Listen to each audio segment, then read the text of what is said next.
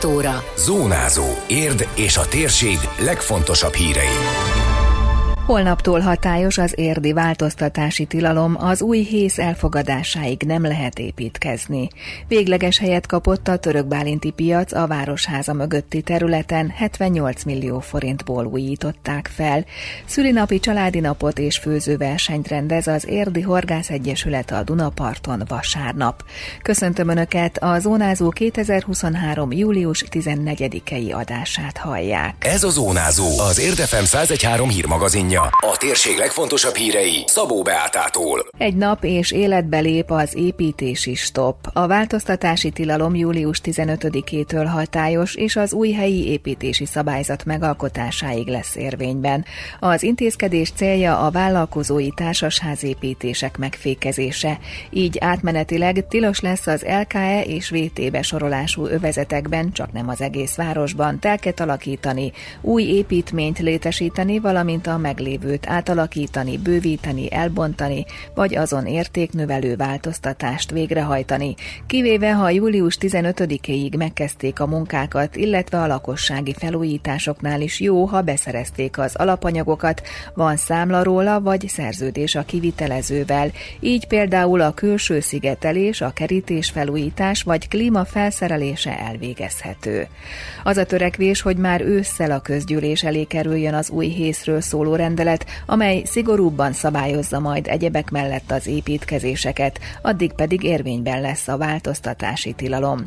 László Ferenc a polgármesteri kabinet kommunikációs vezetője hangsúlyozta, a város lakosságának növekedésével olyan helyzet állt elő, hogy az önkormányzatnak ezt az eszközt kellett alkalmaznia. Egyszerűen most már a város nem bírja el ezt a mértékű építkezési hullámot, illetve ezt a mértékű beköltözést, tehát nincs kellő kellő óvodai férőhely, nincs kellő bölcsödei férőhely, sorok alakultak ki a szakrendelőnél, lassan nem lehet parkolót találni a belvárosban. És nem csak arról van szó, hogy nem építünk új parkolókat, mert hát rengeteg új parkoló épült az elmúlt időszakban, úgynevezett P parkoló, hanem egyszerűen elfogynak a helyek, és ez nem csak érden jelent problémát, hanem mondjuk nagy tartsán, de gyömrönt is hozhatnám példaként. Tehát az agglomerációnak időre lenne szüksége ahhoz, hogy olyan fejlesztéseket tudjon végrehajtani, nyújtani, amitől az emberek megfelelő szolgáltatásokat kapnak. Ehhez kell a változtatási tilalom, és ehhez kell az új helyi építési szabályzat.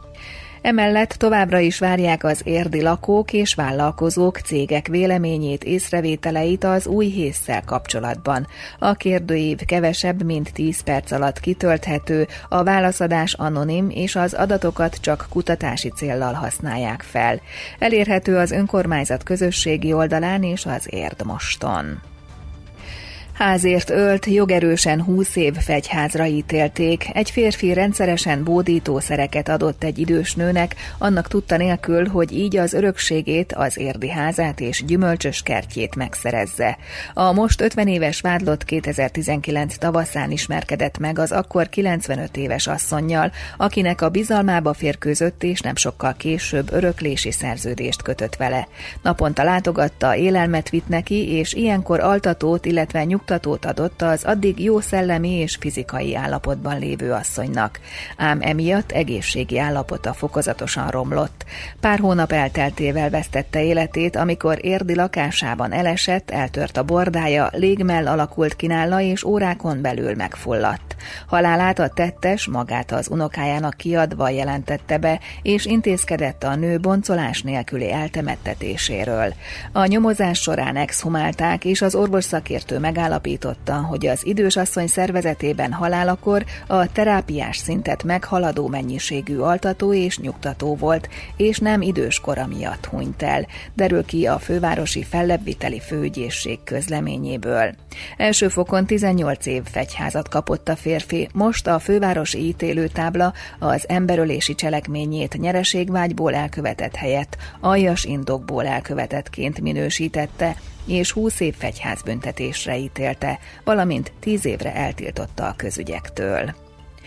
Fix helyet kapott a török bálinti termelői piac. Az elmúlt években többször változott a helyszín, ahol beszerezhették a friss portékákat a helyiek, de június közepén új korszak kezdődött. Átadták a Városháza mögötti területen kialakított új piacot, amely 21. századi körülményeket biztosít a vásárlók, a termelők és a kiskereskedők számára egyaránt. A város több mint 78 millió forint visszanemtérítendő támogatást nyert a fejlesztés megvalósítására megvalósításához. A csak nem 1800 négyzetméteren elterülő vásártérhez több mint 110 parkoló és kerékpártároló is tartozik.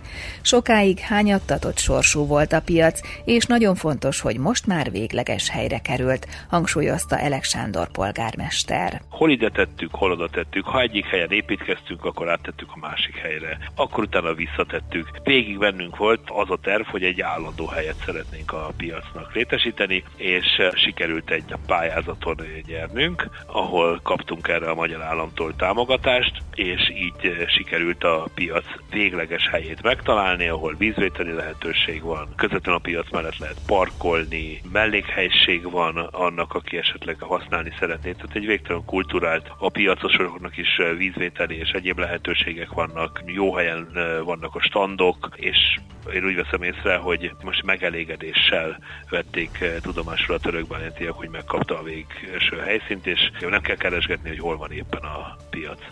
A piac nem csupán egy vásárlási helyszín, hanem egy találkozási pont is, emelte ki Török Bálint polgármestere. Elek Sándor hozzátette, a visszajelzések pozitívak, és már javaslatokat is kaptak például arra, hogy más napokon is legyen piac, és korábban nyisson. A megújult Török Bálinti piac péntekenként 9 és 14 óra között várja a vásárlókat. Szülinapi családi napra invitál az Érdés Környéke Horgász Egyesület, a város egyik legnagyobb létszámú civil szervezete idén 40 éves, ennek jegyében szervezik meg vasárnapi Duna parti partijukat, az egykori téglagyár melletti területen nem csak horgászoknak. Most sem marad el a hagyományos főzőverseny, amelyre előzetesen is lehetett regisztrálni, de a helyszínen szintén lehet jelentkezni. Az ételt saját alapanyagból kell elkészíteni.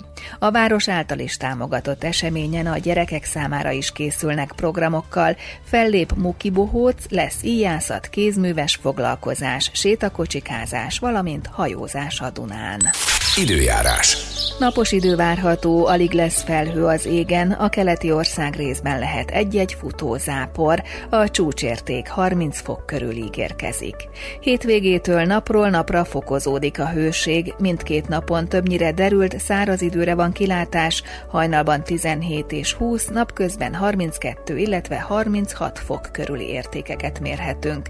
Aztán hétfőtől folytatódik a forróság, az előrejelzések szerint jövő héten a déli tájakon 39 fok is lehet. Zónázó. Zónázó. Minden hétköznap azért efemen.